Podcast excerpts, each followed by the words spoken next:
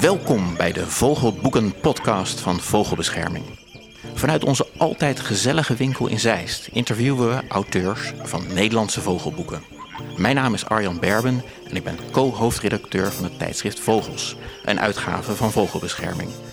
Aan mijn rechterzijde bevindt zich Gert Ottens. Ook hij werkt bij Vogelbescherming en is vooral ook behept met een tamelijk ernstige vorm van ornithobibliofilie. Onze gast van vandaag is Frank van Groen. Frank is bioloog en werkzaam bij een ecologisch onderzoeks- en adviesbureau, maar in zijn vrije tijd een van de drijvende krachten achter een kloekboek dat recent is verschenen, de Vogelatlas van Amsterdam.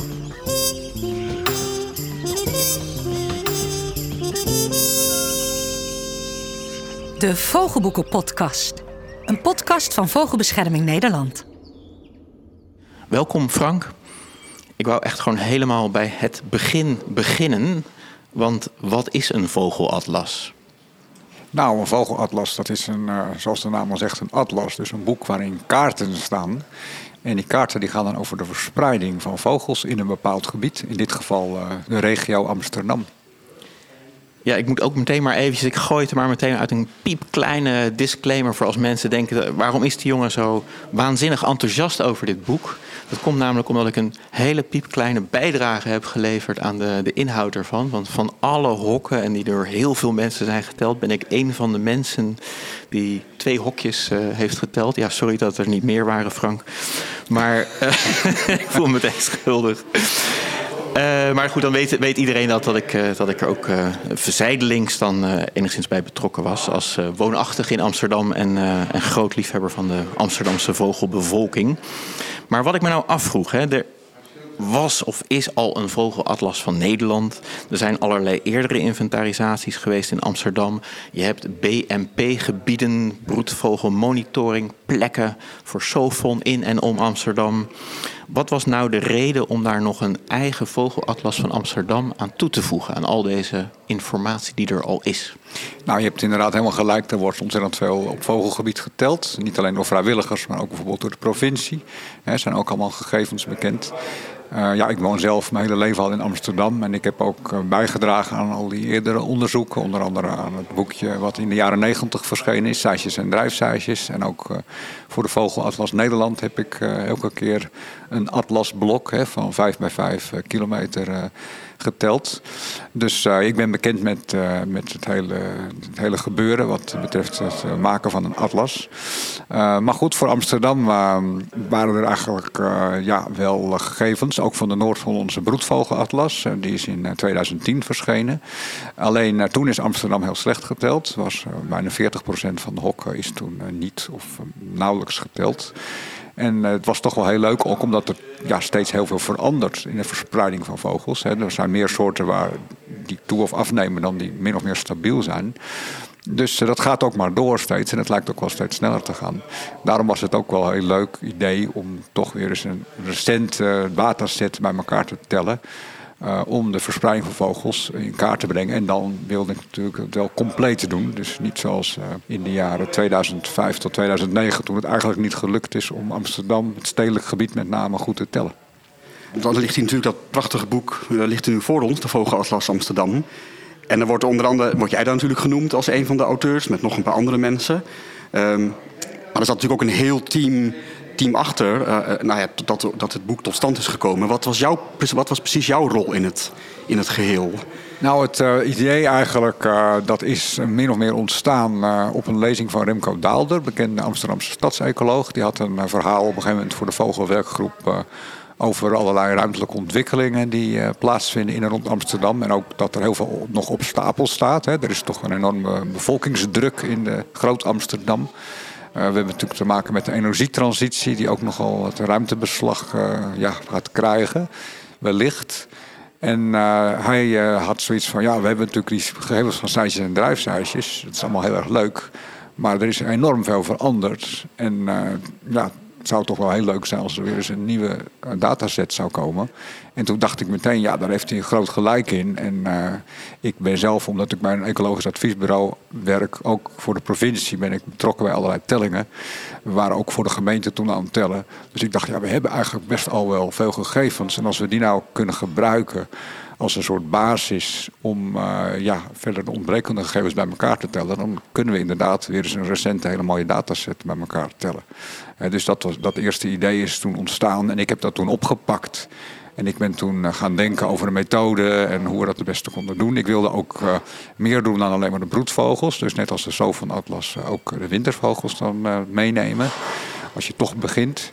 En ik wilde ook iets met aantallen, want ik vind zelf tellen leuk en de aantallen leuk. Dus ik dacht, we moeten dan per kilometerhok moeten we ook maar niet ingewikkeld maken. Omdat wel de deelname gegarandeerd moest zijn van zoveel mogelijk mensen. Dus ik dacht, nou, dan gaan we vijf aantalsklassen schatten van hoeveel vogels er zitten, hoeveel paardjes in, in, het broedseizoen en hoeveel exemplaren in de winter. Dus ik heb toen een soort methode uitgedacht en daar ben ik mee naar het bestuur van de vogelwerkgroep gegaan. En gezegd van jongens, uh, dit is mijn plan, zien jullie dat zitten? Nou, daar werd positief op gereageerd. En toen ben ik in de zomer van 2019 was het inmiddels. Ben ik dus ja, alle, nou, heel veel mensen gaan benaderen van jongens, we gaan, dit is het project, wie telt er mee? En eh, elk nummer van ons blad, de Gierzwaluw, dat verschijnt elke drie maanden, daar had ik een soort voortgangsbericht, schreef ik daarin, over het project. En ja, gelukkig was er heel veel enthousiasme om mee te doen. En Arjan die heeft dus inderdaad ook een paar hokken geteld, net als uh, 140 andere mensen. Dus op die manier konden we ja, dat veldwerk voor 100% voor elkaar krijgen. Ja, je had het al over, ja, die, over, over aantallen. aantallen vrijwilligers inderdaad, bijna 140 zei je al. Je hebt het al een beetje gezegd, maar was het ook, ook, moeilijk om die mensen zover te krijgen? Want ze hebben natuurlijk net, veel van die mensen hadden waarschijnlijk net veldwerk gedaan voor de, voor de landelijke vogelatlas. Nog niet zo heel lang daarvoor. Uh, een aantal wel, maar goed, er zijn natuurlijk ook veel vogelaars die ik ken die dat niet hadden gedaan, maar die wel in Amsterdam woonachtig zijn. Dus dit is natuurlijk een regionaal project. En daardoor is het natuurlijk ook makkelijker om regionale vogelaars juist daarvoor te interesseren, misschien nog meer dan voor een landelijk project. En het ging natuurlijk ook, wij gingen op vierkante kilometer hokniveau kijken. Dus het is ook uh, ja, wat, wat dat betreft uh, beter te overzien. Hè. Voor de Vogelatlas van Nederland tel je een atlasblok.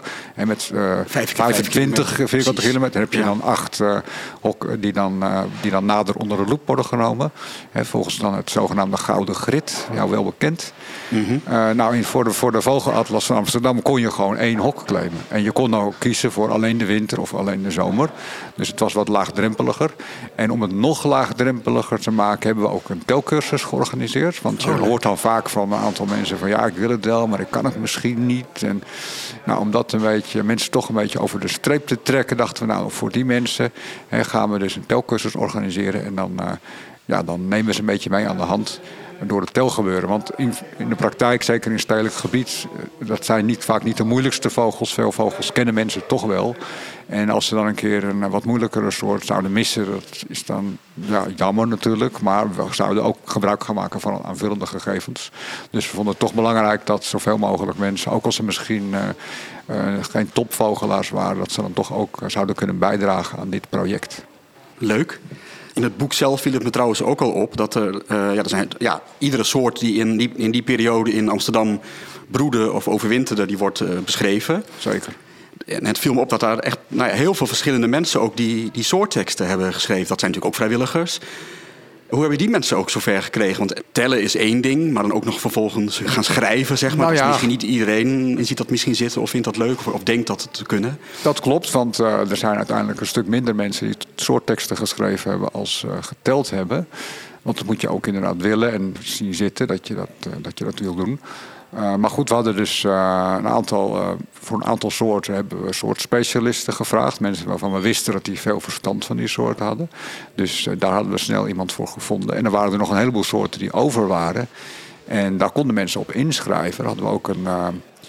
een ja, de tellers zijn sowieso benaderd. Maar ook in de Gierswaluw hebben we een oproep hè, van mensen die interesse hebben in, in, een bepaalde soort die kunnen zich aanmelden. Dus via die weg zijn dus uh, best wel veel soorten uh, kregen een schrijver toebedeeld. En op een gegeven moment waren er nog een paar over. Ja, dat was dus uh, voor, ja, in, de, in de herfst van 2020. Toen hadden we dus alles geteld. We hebben uiteindelijk in twee jaar alles geteld. En toen hebben we gewoon een lijstje rondgestuurd met aan mensen van dit is nog over, wie wilde nog. En uiteindelijk heb, hebben we er zelf ook als Atlas uh, werkgroep. We hebben een soort Atlas team geformeerd, bestaande uit vier personen. Die zeg maar de continuïteit van het project gedurende de looptijd uh, garandeerden. En hebben natuurlijk zelf ook nog een aantal geclaimd. Ik heb er zelf iets van twintig beschreven. Dus uh, ja, waren er nou echt soorten die niemand wilde beschrijven? Nou ja, sommige die bijvoorbeeld de waterpieper bleef op een gegeven moment over. Ik dacht, nou ja, dat vind ik wel een leuke soort. Dan doe ik die wel, weet je.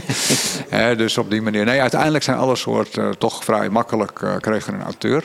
En uh, ook een van de mensen die in de redactie meedraait, Tigo Fokkema, die heeft ook nog op het laatst nog een aantal soorten die overbleven gezegd, nou dan doe ik die wel.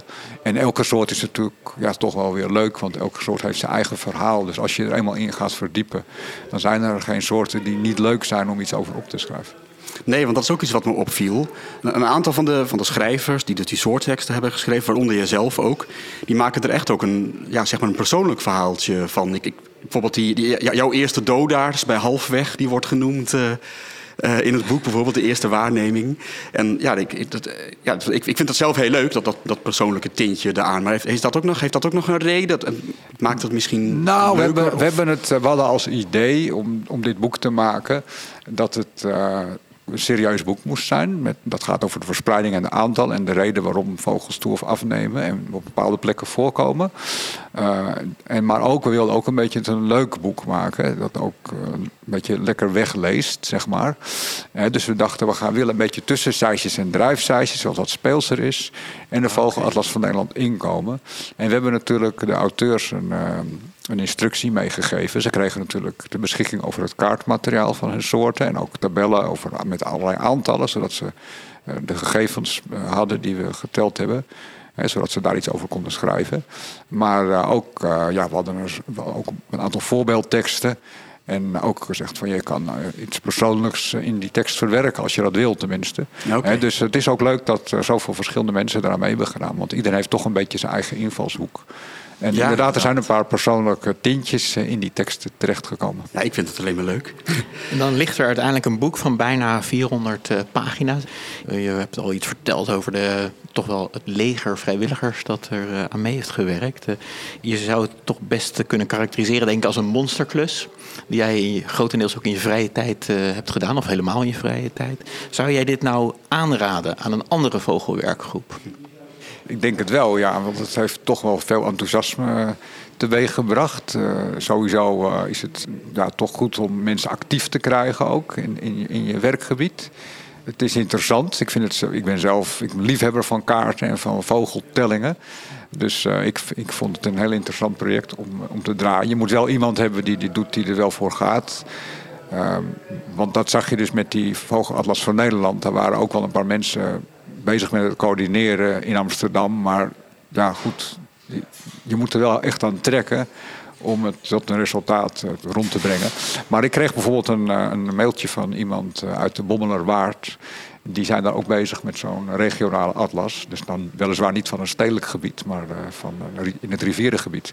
En die werden heel erg geïnspireerd door dit boek.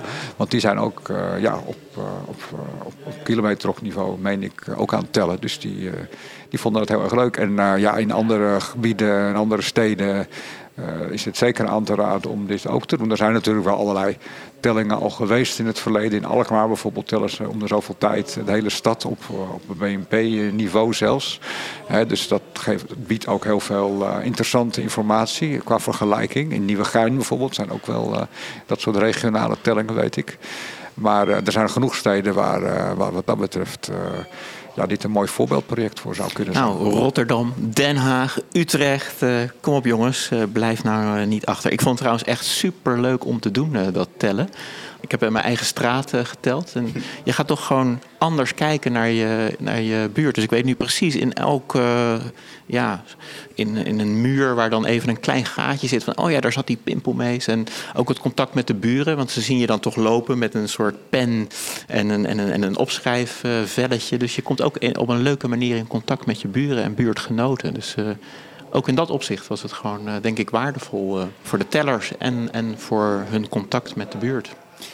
Ja, je moet er even aan wennen aan het tellen. Ook omdat je natuurlijk met uh, ja, rechte lijnen zit. Je met, met, zit met zo'n kilometerhok. Dus dat zijn niet echt logische grenzen. maar als je eenmaal weet hoe dat met jouw hok in elkaar zit. Je komt op allerlei plekjes waar je nog nooit eerder geweest bent. En uh, je kijkt naar de gewone soorten, maar ook heel erg naar de aantallen. Dus het is een hele andere manier van vogelen. Dat je gewoon op de fiets eh, naar een leuk vogelgebiedje gaat en kijkt wat daar zit. En het is ook leuk om te weten dat je natuurlijk bijdraagt aan een groter geheel. En dat jouw gegevens onderdeel worden van een hele mooie dataset waar, waar je meer mee kan. Is er in die berg gegevens die dan boven is gekomen, hè, die al die vrijwilligers bij elkaar hebben geharkt, zijn er dan dingen die jou persoonlijk dan nog het meest opvielen? er, er, zijn altijd leuke waarnemingen natuurlijk die, die mensen doen uh, tijdens hun uh, tellingen. Een soort die mij die, die heel erg opviel dat die uh, op veel meer plekken zat dan ik verwacht had, was de SETI-zanger. Dat is natuurlijk een soort waarvan we wel wisten dat die in Amsterdam al een aantal plekken voorkwam. Maar hij bleek op veel meer plekken te zitten dan we eigenlijk wisten. En dat, daar kwamen we achter door echt op kilometerniveau te tellen. En uh, ja, soms werden er bijzondere uh, vogels ook waargenomen. Het viel me op dat er ja, toch ook wel wat wielenwalen nog uitkwamen uit de tellingen. Uh, dat hadden we ook niet verwacht. Of dat echt allemaal broedgevallen geweest zijn, is natuurlijk vers 2. Maar het voldeden wel aan de, de BNP-criteria. Want we hadden wel strikte criteria om ook tot, tot een voorkomen in een kilometer ook te leiden. Ze moesten wel echt voldoen aan de geldigheidscriteria voor een, voor een territorium volgens de zoveel richtlijnen, zeg maar. Is er iets typisch voor Amsterdam als je kijkt naar het geheel van de vogelbevolking? Nou ja, goed, Amsterdam is natuurlijk vooral een heel grote stad hè, met een veel stedelijk gebied. Het midden eigenlijk van het werkgebied. En daaromheen liggen dan meer agrarische gebieden en natuurgebieden. En uh, ja, in die stad uh, is de gierzwaluw natuurlijk echt een typisch uh, stadsoort. Als je naar de verspreidingskaart kijkt, dan zie je ook dat het grootste aantal stippen met de grootste dichtheden in die stad staan. Hetzelfde geldt eigenlijk voor de stadsduif. Dat is ook zo'n typische stadsoort. Een beetje een ondergewaardeerde soort bij vogelaars, omdat het toch een soort van escape is. Maar uh, ja, het zijn in Amsterdam gewoon wilde vogels die uh, zich voortplanten en een ecologische rol spelen. Ook als voedsel bijvoorbeeld voor de slechtvalk, die uh, tegenwoordig in Amsterdam broedt. En die ook de voorpagina van de Vogelatlas siert, de slechtvalk. Uh, ja, verder zijn we natuurlijk de parkieten, hè, die, uh, waar uh, stedelijk gebied onbekend is. En Amsterdam is dan met name bijzonder omdat het de enige plek eigenlijk is in Nederland waar de grote Alexanderparkiet op best wel grote schaal inmiddels voorkomt. In Haarlem is misschien ook een enkel broedgeval, maar dat stelt niet zoveel voor. Maar in Amsterdam hebben we ja, een populatie van al bijna 600 van die uh, grote Alexanderparkieten. Het is wel heel hard gegaan met die grote Alexanderparkieten, of niet? Ja, die zijn uh, dus ook uh, aardig toegenomen de laatste ja. jaren. En wat, wat eigenlijk ja, toch wel apart is en waarvan we niet precies weten waar het aan ligt, is dat die halsbandparkiet is nu stabiel qua aantal. blijkt ook uit landelijke tellingen. In slaapplaatstelling is vorig jaar georganiseerd. Uh, maar die Alexanderpakiet die neemt nog heel erg toe. En hoe dat dan zit, waarom de ene dan toeneemt en de andere stabiel is, dat, dat weten we niet precies. Maar uh, feit is dat die uh, Alexanderpakiet het nu heel goed doet. Hij is, een, stuk groter dan, uh, dan halsbandpakiet. Hij heeft ook grotere broedholen natuurlijk nodig. Die ze wel zelf maken, in tegenstelling tot halsbandpakieten, toch? Ja, nou de halsbandpakieten kunnen ook een beetje knagen aan hun holen. Door ze iets groter te maken, op, op maat te maken. En de grote Alexanderpakiet heeft nog een wat forsere, sterkere snavel. Dus die doet dat nog in wat sterkere mate inderdaad. Ja, ik heb daar ruzie over met mijn buren. Want uh, een halsbandpakiet heeft een gaatje van een specht in een flatmuur zo groot gemaakt dat hij nu echt helemaal in de flatmuur is gaan broeden. Zo. De halsbandparkiet. Dus, uh, maar ja, ik, ik vind het fantastisch. Alleen, ja, mijn buren zijn er totaal niet blij mee. Maar het gaat in de spouwen dan? Of, ja, ja. Ja, geweldig hè? Het is ook, ja, het is een holenbroeder. Op Eiburg heb ik ook een, een, plek gezien. Er staat ook een foto van in het boek. Waar dus die halsbandparkiet in een hol in de stenen echt uh, ingaat. En daar misschien daar ook wel broedt. En terwijl ze eigenlijk bekend staan dat ze vooral in, uh, in bomen natuurlijk broeden. Maar ze kunnen blijkbaar ook uh, in muren terecht. Het is uh, ja, een aparte stedelijke ontwikkeling inderdaad. Eigenlijk zou je die grote Alexanderpakieten wel een typische Amsterdamse vogel kunnen noemen. Nou, het is de, het is de meest. Amsterdamse vogel van alle vogels in Nederland. Ja. Omdat eigenlijk ja, 95 tot 99 procent van de populatie in Amsterdam voorkomt. Nou, je, hebt, het zelf al, genoemd. Amsterdam is een grote stad. uh, stedelijk gebied. Er zijn, daar zijn natuurlijk bepaalde soorten die daar juist, nou ja, die het in het stedelijk gebied uh, juist goed doen. Of in ieder geval die afhankelijk zijn, zou je zelfs kunnen zeggen, van, uh, ja, van, van steen en beton en stedelijk groen ook natuurlijk. Volgens mij zijn ze al genoemd. In ieder geval de gierzwaluw is al genoemd. Ook de huismus is, is, is zo'n soort. Hoe staat het met, met, met de huismussen in Amsterdam? Dat is natuurlijk een soort die het landelijk niet zo heel goed doet. Nou we hebben natuurlijk ook gekeken naar wat er veranderd is. Hè, dus ook naar de huismus. En eh, we hebben dus eigenlijk drie tellingen waarmee we konden vergelijken. Dat is dan die Noord-Hollandse broedvogelatlas, die vrij kort geleden was. En het handicap daarvan is dat er dus een groot deel van het stedelijk gebied uh, niet of slecht geteld is. Dan hebben we die cijfers en drijfcijfers. Dan kun je echt uh, de verspreiding kun je dan zien in, in, een, in een wat kleiner gebied. Toen is niet de hele regio geteld, maar meer een soort rechthoek van iets van 400 vierkante kilometer. En uh, we hebben ook nog, dat is heel interessant, uh, gegevens uit de jaren 70 van het project Randstad en Broedvogels. Toen zijn op telgebiedniveau uh, ook de aantallen geteld. En het ging alleen maar om het gebied ten zuiden van het Noordzeekanaal. Dus niet het hele werkgebied wat we nu geteld hebben. Maar we hebben dus gekeken voor dat gebied. Wat verschillen zijn met, met nu en voor een aantal soorten. En ook voor die huismus zie je dus een behoorlijke achteruitgang. Nou, dat is natuurlijk ook bekend van heel Nederland en dat blijkt ook in Amsterdam eh, zo geweest te zijn. maar vergeleken met, uh, met uh, recentere tellingen is er toch weer sprake van een stabilisatie. En dat sluit ook een beetje aan bij uh, het landelijk beeld, zeg maar. Dus het huismus wijkt in Amsterdam niet heel erg af van het landelijke nee, beeld. Okay. Ik dacht dat het ietsje beter met de huismus ging in Amsterdam. Maar dat, dat, dat is meer sprake van een stabilisatie dus. Ja, er zijn natuurlijk heel, het is een heel divers gebied. Ik heb zelf bijvoorbeeld het eiland, voormalig eiland Marken geteld. En dat is een huismussenparadijs. Daar zitten er echt heel erg veel. Uh, maar goed, er zijn ook stukken, bijvoorbeeld in Buitenveld, daar lijken ze wel te ontbreken, huismussen. He, dus uh, het, het, is een gemaleerd beeld. Ja, terwijl je daar wel struikjes hebt, bijvoorbeeld, waar ze in zouden kunnen zitten. Ja, het is een bebouwd gebied en er, zijn, er is ook genoeg wel groen in buitenvelden. Maar misschien is het toch te bossig, uh, misschien zijn er te veel roofdieren. Op de een of andere manier ja, doen ze het daar uh, niet. Ze zitten daar heel weinig. Of ze zijn misschien, het kan ook wel wat gemist zijn natuurlijk door de tellers. Maar uh, over het algemeen zijn alle hokken toch uh, ja, goed bekeken door iedereen. Uh, elke hok is in de broedtijd in principe vier keer bezocht. En zo'n huismus is best wel een opvallende soort. Dus ja. En dan die gierzwaluw natuurlijk. Dat is natuurlijk ook een relatief lastig te tellen soort. Ja, dat is een ander verhaal. Die huismus is op zich niet lastig om vast te stellen. Alleen hoeveel zit er dan? Dat is natuurlijk wel lastig. Maar goed, we, we werkten met vijf aantalsklasses. Dus je kan soms twijfelen tussen twee klasses. Maar ja, dat is dan een beetje ruis. De ene zal misschien iets te hoog zitten, de ander iets te laag. Die gierzwaluw is een andere koek.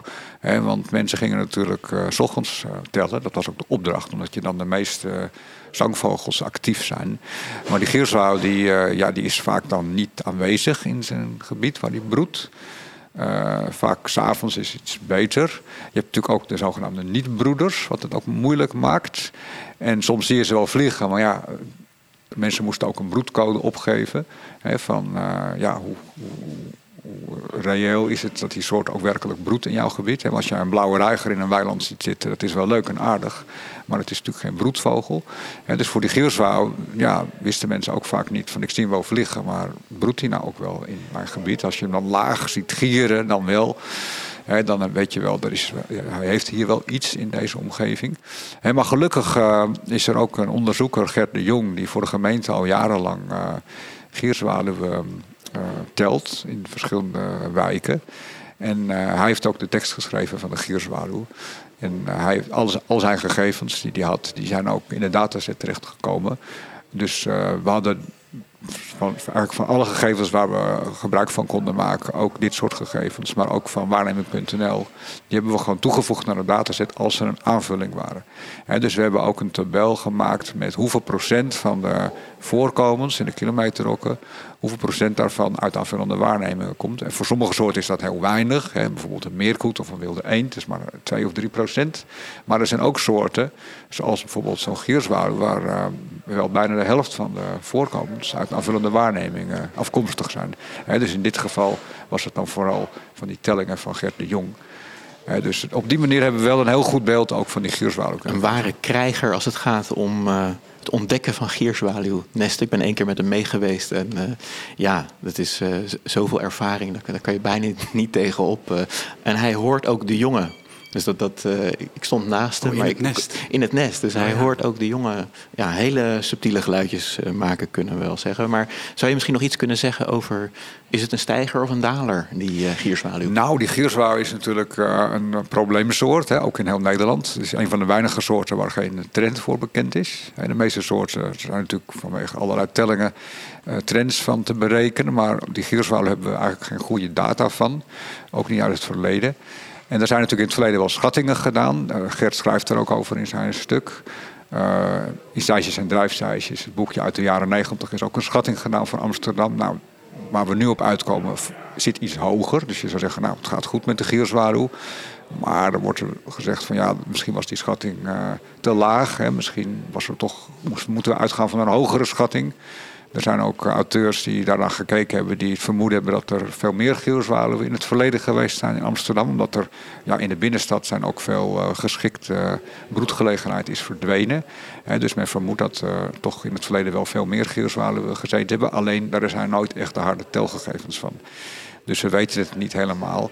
Wat in ieder geval wel uh, blijkt uit deze telling is dat de verspreiding van de gierzwaluw vergeleken met de jaren 90 enorm is toegenomen. Hij broedt op veel meer plekken dan we toen wisten. Ja, het kan zijn dat er misschien toen plekken gemist zijn, maar de toename is dus, dusdanig groot dat het toch op lijkt dat die uh, ook uh, nieuwere wijken, hè, dat die toch die met succes weet te uh, koloniseren. Misschien ook wel doordat er in die oudere wijken minder broedgelegenheid is. Dat kan een rol spelen. Hè, maar um, ja, het, lijkt er toch op dat die, dat die in ieder geval niet meer afneemt. En misschien is hij in het verleden wel algemener geweest, maar dat weten we niet zeker. Ja, interessante informatie krijg je dan toch uh, door zo'n telproject naar boven over deze bijzondere soort. Uh, ja, kun je misschien nog een andere stijger en een daler noemen? Nou, er zijn heel veel stijgers en dalers. Uh, daar gaat het boek ook over. We vergelijken natuurlijk hè, met, uh, met het verleden. En hoe verder je terugkijkt, hoe groter de verschillen natuurlijk ook zijn. En want als je naar de jaren zeventig kijkt, daar wordt ook even een paar regeltjes aan gewijd in het boek. En dat is op zich heel interessant om je even te realiseren. Want je denkt misschien van als je nu in de stad rondloopt of rond de stad dat wat je ziet, dat dat er altijd geweest is. maar bijvoorbeeld in de jaren zeventig waren er bijna geen roofvogels. Je had eigenlijk alleen hier en daar een bruine kiekendief en een paar torenvalken. Daar kwam het een beetje op neer. De buizerd kwam niet voor in Amsterdam. De havik, de sperwer, de slechtvalk. En nu zijn dat uh, reguliere soorten. De buizerd zijn wel honderd broedparen van uh, in en rond Amsterdam. Dus dat is een grote verandering. Verder zijn natuurlijk de ganzen, die kwamen vroeger niet voor als broedvogel. Die zijn nu heel algemeen alom vertegenwoordigd, ook in de winter. Maar zeker ook in het broedseizoen. De nuilgans, de grauwe gans, de grote Canadese gans, de kleine Canadese gans, de brandgans, nou noem maar op. dat zijn toch een hele set aan soorten. Maar ook een uh, watervogel als de krakeend. er waren, uh, in de jaren zeventig uh, kwamen ze op zes à zeven paardjes uit in dat gebied van Randstad en broedvogels. En nu zijn het er al in dat gebied meer dan duizend. Zo. dus dat is een enorme toename. Uh, aan de andere kant heb je ook de verliezers. Hè, dat zijn dan vooral de weidevogels. En bijvoorbeeld met name de weidezangvogels. Die zijn echt uh, nou, gedecimeerd. 80, 90 procent achteruitgang. Hè. Dan hebben we het over graspieper, veldleverik, gele kwikstaart. Dat waren toen ja, veel algemenere vogels. En dat heeft natuurlijk te maken met de bekende intensivering van de landbouw. Maar rond Amsterdam zeker ook met uh, verloren gaan van broedhabitat. Hè, door stedelijke ontwikkeling. De Bijlmer is erbij gekomen sinds die tijd. Uh, grote stukken zijn ook recreatiegebied geworden. Die zijn ingeplant met bos en daardoor ongeschikt geworden. Uh, en, en ook de steltlopers onder de weidevogels speelt dat ook voor. Die zijn ook afgenomen, maar gelukkig in iets mindere mate dan die weidezangvogels. Ja, de patrijs is ook zo'n voorbeeld van een vogel. Dat was vroeger een algemene verschijning. Mm. En uh, nu super zeldzaam alleen bij Schiphol handhaaft zich nog een enkel paardje binnen ons werkgebied. Ja, het westelijk havengebied was vroeger een, uh, in de jaren 70, 80 nog een uh, woest en ledig gebied. Waar een uh, spontane vegetatieontwikkeling zich voordeed. Van een kaal zandbiotoop tot wat, wat struikjes en, en ontstond wat bos en wat rietland. En het was toen een Eldorado voor veel vogelsoorten. Ook bijzondere soorten als bijvoorbeeld de strandplevier zaten er toen tientallen paren. Zo. Dat kun je je nu bijna niet meer voorstellen. Die zijn gewoon echt weg, die zijn uitgestorven. Nou, een zomertortel was toen ook, uh, zeker aan de westkant van de stad, een soort die op veel plekken zat. Die is ook verdwenen. Dus ja, al met al, er is echt heel veel veranderd. Zijn er nou per saldo meer soorten dan? Ook bijvoorbeeld door die exoten waar ik denk dan bijvoorbeeld aan. En die roofvogels die erbij zijn gekomen. En, of is het op, op het gelijke niveau gebleven als je het vergelijkt met, met, met die vorige boeken? Nou, je, ziet wel uh, dat er, uh, als je kijkt naar het aantal soort kilometerhok combinaties, dan noemen we dat dan, oh ja? dat er een toename geweest is. Dus er zijn, uh, er zijn, er zijn meer soorten toegenomen dan afgenomen. Um, ja, dat is wel een constatering. Maar goed, er zijn dus ook verliezers, maar meer winnaars dan verliezers. En wat ook een hele belangrijke ontwikkeling is, die je, die je ziet in, in en rond Amsterdam, is de toename van uh, bos en struweel. En ook vooral het ouder worden van bos en struweel. Dat zie je ook wel in Nederland, maar ik denk nog in versterkte mate in Amsterdam. bijvoorbeeld de grote bonte specht, die komt nu twintig keer zoveel voor als in de jaren zeventig. Dat was echt toen een relatief zeldzame soort. Het was bijzonder, een grote bonte specht in de omgeving van Amsterdam. We hadden natuurlijk weinig bos. En bijvoorbeeld Amsterdamse bos is nu natuurlijk een volwassen bos geworden. waar dat soort soorten, maar bijvoorbeeld ook een boomklever, die was vroeger eh, heel zeldzaam in Amsterdam. Die doet het daar heel erg goed en die is daar enorm toegenomen. Dus al die bos- en struweelvogels, vooral bosvogels, maar ook, struweelvogels zijn uh, duidelijk toegenomen in de regio Amsterdam. Ja, dus je kan eigenlijk allerlei ruimtelijke ontwikkelingen ja, terugvertalen of koppelen aan, aan de vogelbevolking van een stad. Zeker, ja. Dus de, de, de manier waarop wij het landschap inrichten heeft direct een enorm effect op uh, welke vogels en in welke aantallen ze daar voorkomen. Wat mij ook nog opviel is dat er wel maar liefst 41 uh, rode lijstsoorten in Amsterdam uh, broeden. Is dat nou iets waar de stad Amsterdam trots op is? Dat ze zoveel soorten die bedreigd zijn eh, binnen de regiogrenzen hebben. Nou, ik weet niet of de gemeenteambtenaren zich dat realiseren. Maar goed, wij hebben het wel opgeschreven. Omdat natuurlijk de rode luissoorten wel soorten zijn waar uh, ja, beleidsmatig iets meer aandacht voor is. Het is natuurlijk bekend dat het niet met alle rode, luis, rode luissoorten slecht gaat. Er zijn ook rode luissoorten die op de rode lijst staan omdat ze een kleine populatie hebben. Ik noem een zeearend bijvoorbeeld maar er zijn natuurlijk uh, de echte soorten waar het slecht mee gaat. En die soms nog best in grote aantallen in Amsterdam voorkomen. Zoals bijvoorbeeld de grutto. Daar zitten nog meer dan duizend eh, broedparen in de regio Amsterdam. Dat is toch wel een, uh, ja, best wel een aantal. Mm. dus die soorten van graslanden, van hooilanden. Uh, daar gaat het echt slecht mee. Zeker de, de echte extreem uh, rode luissoorten waar die, die echt uh, ernstig bedreigd zijn. Hè. Dan hebben we het over de kempaan. Nou, noem nog eens wat, de, de, de velduil bijvoorbeeld. Dat is ook zo'n soort kwartelkoning, het paapje. Hè, dat soort soorten hè, van wat schralere graslanden. Die zijn landelijk bedreigd ook. En die komen nog net in Amsterdam voor met een enkel paardje. Maar eigenlijk zou je qua bescherming zou je daarop moeten inzoomen. Er zijn bijvoorbeeld wel kansen voor in, in, een groot gebied als Waterland. Dat je daar bijvoorbeeld een, eh, ja, een reservaat voor zou kunnen inrichten. Met een, met een flinke bufferzone omheen. Zodat je voor, juist voor die soorten toch weer een geschikt habitat kan creëren. Zodat ze ook eh, ja, op de langere termijn in de Amsterdamse regio en ook in Nederland kunnen blijven broeden. En daar zou eigenlijk de prioriteit moeten liggen, mijns inziens. Ja, jullie, doen in het boek ook aanbevelingen in dat opzicht. Ga je daar dan ook mee naar de gemeente, naar, naar de ambtenaren die erover gaan? Of is dat... Nou, dat is, er zou een vervolg zijn van dit boek. Uh, dit boek is nu net uitgekomen.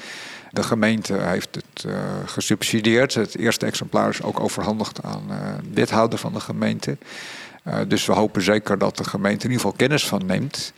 En uh, we hebben ook uh, als vogelwerkgroep een commissie bescherming, die zich met allerlei zaken bezighoudt. Maar dit zijn toch wel hele moeilijke dingen om dat goed onder de aandacht van de politiek te brengen. En ook ja, mensen willen graag wel iets doen, maar in de om het in de praktijk te vertalen naar concrete maatregelen is, is natuurlijk moeilijk. Uh, maar goed, er zijn, de vogelwerkgroep bestaat uit zo'n 600 leden. En wij praten ook met allerlei mensen. Dus we proberen toch op die manier de ene wat meer dan de ander uh, een uh, positief uh, invloed uit te oefenen, ook op bescherming van vogels. Dit boek lijkt me daar wel heel geschikt voor zelf. Ook in de soortteksten lees je gewoon nou ja, waarom het met een bepaalde soort slecht of goed gaat en wat je daar zou, kunnen doen, bijvoorbeeld. Even afgezien van dat hoofdstuk over die aanbevelingen. Iedere Amsterdammer zou het eigenlijk moeten lezen. En zeker de mensen die ook over, nou ja, die erover gaan. De, de beleidsmakers, de, de ambtenaren, ja, bijvoorbeeld. Ja, dat, dat lijkt ons ook. En uh, als je in Amsterdam in omgeving woont en je bent in vogels geïnteresseerd, dan zou dit boek eigenlijk gewoon in je boekenkast uh, moeten staan. Sowieso. Het is ook een soort naslagwerk natuurlijk. Hè, want uh, we gaan dit project niet binnenkort weer herhalen, misschien over twintig jaar. Hè, maar tot die tijd zal dit gewoon het boek zijn waar je, als je iets over vogels in Amsterdam wil opzoeken, waar je dit in kan vinden. Inderdaad.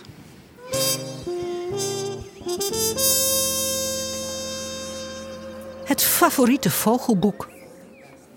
Neem ons eens mee naar jouw boekenkast, eh, Frank. Wat is jouw favoriete vogelboek? Uh, ja, goed, ik ben, ga al een aantal jaren mee. Ik ben inmiddels uh, 58, dus ik verzamel al mijn hele leven in beperkte mate boeken. Want ik probeer wel uh, mijn boekenkast niet al te vol te krijgen, omdat ik niet een heel vol huis wens. Ik ga eigenlijk liever naar buiten dat ik spullen in huis heb. Maar je ontkomt er natuurlijk eh, af en toe niet aan om toch weer eens een nieuw boek aan te schaffen. En dan met name een, vogel, een natuurboek of een vogelboek. Zo ben ik ook in de jaren negentig begonnen met de serie Handbook of the Birds of the World. Om dat aan te schaffen. Dat vond ik toen het eerste exemplaar, of het eerste deel verscheen. dat ging toen over de ja, de struisvogels, de reigers, de pelikanen. En dat was, vond ik een heel compleet mooi boek met prachtige foto's. Dus ik ben dat gaan verzamelen. Nou, op een gegeven moment was die serie compleet. Toen kwamen er twee updates. Checklist of the Birds of the World. Ik ben ook een wereldvogelaar. Ik ben ook ja, reisleider voor verschillende reisbureaus. Ook, op vogelreizengebied. Dus ik heb ook in het buitenland het een en ander gezien. Dus ik vind het ook leuk om dat bij te houden. Want ik hou van gegevens vastleggen. Dat was ook de drive om dit boek te maken. Dat, dat je toch dingen wil vastleggen. Van wat, wat zit er en hoeveel en waar. En dat doe ik eigenlijk ook op mijn uh, buitenlandse trips. Maak ik altijd rapportjes van. En ik heb ook een soort database van mijn waarneming in staan. Dus uh, toen kwam er uh, weer een nieuw boek. Dat is eigenlijk nu mijn favoriete vogelboek. En dat heet All the Birds of the World. Nou, het is een prachtige titel. En uh, toen dat boek verscheen, toen dacht ik eerst van... Uh, ja, god, uh, weer een boek met alle vogels van de wereld. Ik heb eigenlijk al die twee delen van Checklist of the Birds of the World. Moet ik dat nou wel aanschaffen? Maar goed, dan heb ik toch nog eens goed naar, naar het boek gekeken. En ja, dat, er veranderen natuurlijk toch steeds dingen in de taxonomie van vogels. En ook worden af en toe toch nog steeds nieuwe soorten ontdekt. Vaak staan het wel splits van bepaalde soorten, maar ook wel eens hele nieuwe soorten. Dus het is wel leuk om toch zo'n update te hebben. En ook omdat alles nu in één boek staat, is het natuurlijk ook leuk. En wat verder heel leuk aan dit boek is, vind ik dat uh, de vier belangrijkste lijsten in de wereld, die worden bijgehouden. Waaronder dus de lijst van BirdLife International. Dat die dus alle vier naast elkaar gezet worden. En uh, je kan dus zien uh, ja, op welke lijst welke soort staat. Bijvoorbeeld waarneming.nl maakt gebruik van de bekende IOC-lijst. Het is weer een andere lijst en daar zijn kleine verschillen. Daar worden soms wel eens discussies over gevoerd. Moet je de rouwkwikstaart nou wel of niet een soort noemen? Om maar eens een voorbeeld te Heerlijke discussies vind ik dat. Inderdaad, daar kun je heel lang over bomen. en, maar dit boek is, biedt dus een heel mooi overzicht van eigenlijk de wereldwijde biodiversiteit op vogelgebied. En uh, ja, dat boeit mij enorm. Uh, er staan natuurlijk ook verspreidingskaarten in. En je kan doorklikken naar een, uh, naar een website met nog veel meer informatie over die vogels. Dus ik vind het eigenlijk een prachtig boek. Dus dat is mijn, op dit moment mijn lievelingsboek.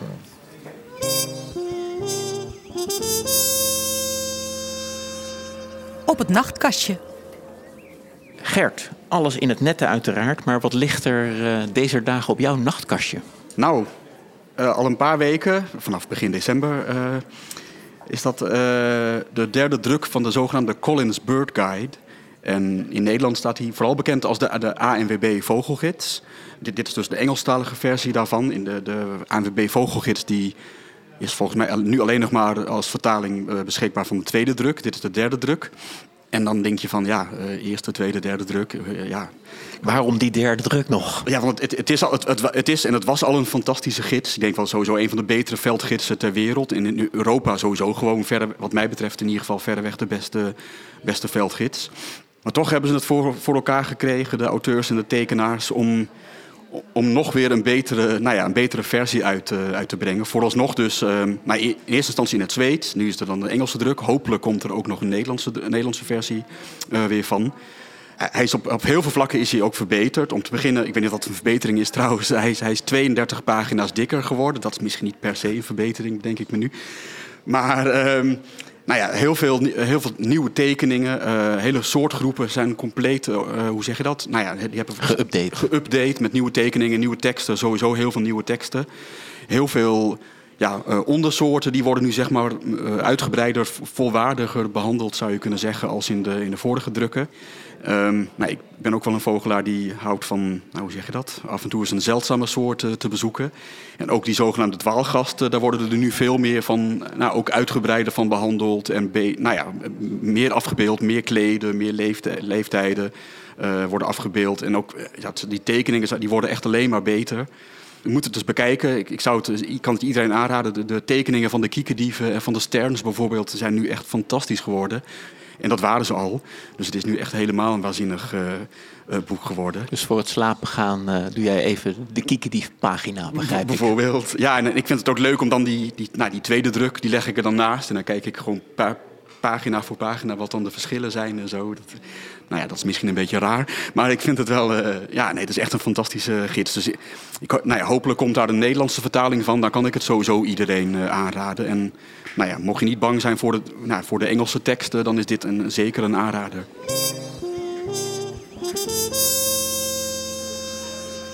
Frank, hoe is eigenlijk de ontvangst geweest van de Amsterdamse Vogelatlas? Wat waren de reacties? We hebben als, uh, als Atlas-team toen het boek verscheen, hebben we een bijeenkomst georganiseerd uh, voor de gemeente. Ook om het onder de aandacht te brengen van de beleidsmakers. En daarbij zijn ook alle mensen die uh, soortteksten en, en ook geteld hebben, zijn uitgenodigd. Nou, dat was goed bezocht. Er kwamen kleine honderd mensen op af. En ja, men, iedereen was heel enthousiast. de, de uitgever was ook, had ook een mooi woordje over het tot, tot, tot standkoming van het project. En uh, we zijn natuurlijk meteen begonnen met de verkoop ook. Uh, ja, ik kreeg al gauw mailtjes binnen van mensen van wat ze ervan vonden. En uh, ja, eigenlijk op een enkel klein dingetje na vooral enthousiaste reacties. Ja, omdat ik toevallig een, een, bewoner ben van de hoofdstad, zag ik hem ook bij verschillende boekhandels in de etalage staan. Dat deed mijn vogelaarshart dan weer goed. Komt er een tweede druk, verwacht je? Of, Nou ja, goed, het, de verkoop loopt heel goed. Maar uh, dat is nog niet besloten. Dat wordt pas besloten op het moment dat uh, de eerste druk verkocht is. Dus mocht je het boek zeker willen hebben, wacht niet tot er een tweede druk komt. Want het is echt helemaal niet zeker dat die er komt. Uh, dan moet je echt uh, ja, gewoon nu toeslaan. Dat is eigenlijk het advies. ja, voor, het, voor het er niet meer is. Gewoon natuurlijk. kunnen geven namens vogelbescherming. Gert, jij toch ook, hè? Gewoon nu toeslaan. Ja, en, ik, en, ook, en, en, en, zeker niet alleen maar voor Amsterdamse vogelaars, lijkt me. Ik bedoel, ja, ik, ik, ben zelf ook, ik ben zelf geen Amsterdammer, maar ik heb het boek ook. Ik ben ook wel een beetje een, nou, ik ben, zoals Arjen al zei, een vogelboeken uh, gek wel een beetje. Dus ik zou het sowieso wel kopen, denk ik. Maar ik kan het echt iedereen aanbevelen. Want het, is, het geeft gewoon een heel mooi beeld van, nou, van de vogelwereld van een stad. niet zomaar een stad, van de stad van Nederland misschien. Onze hoofdstad. Dus uh, ja, kopen.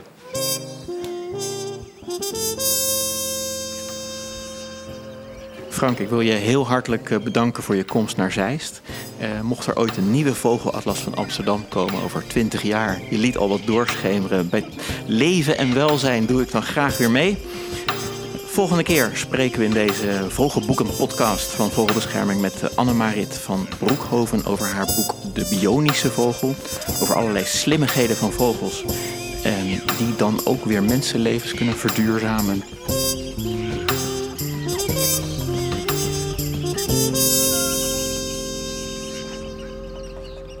Dit was de Vogelboeken-podcast vanuit de winkel van Vogelbescherming in Zeist.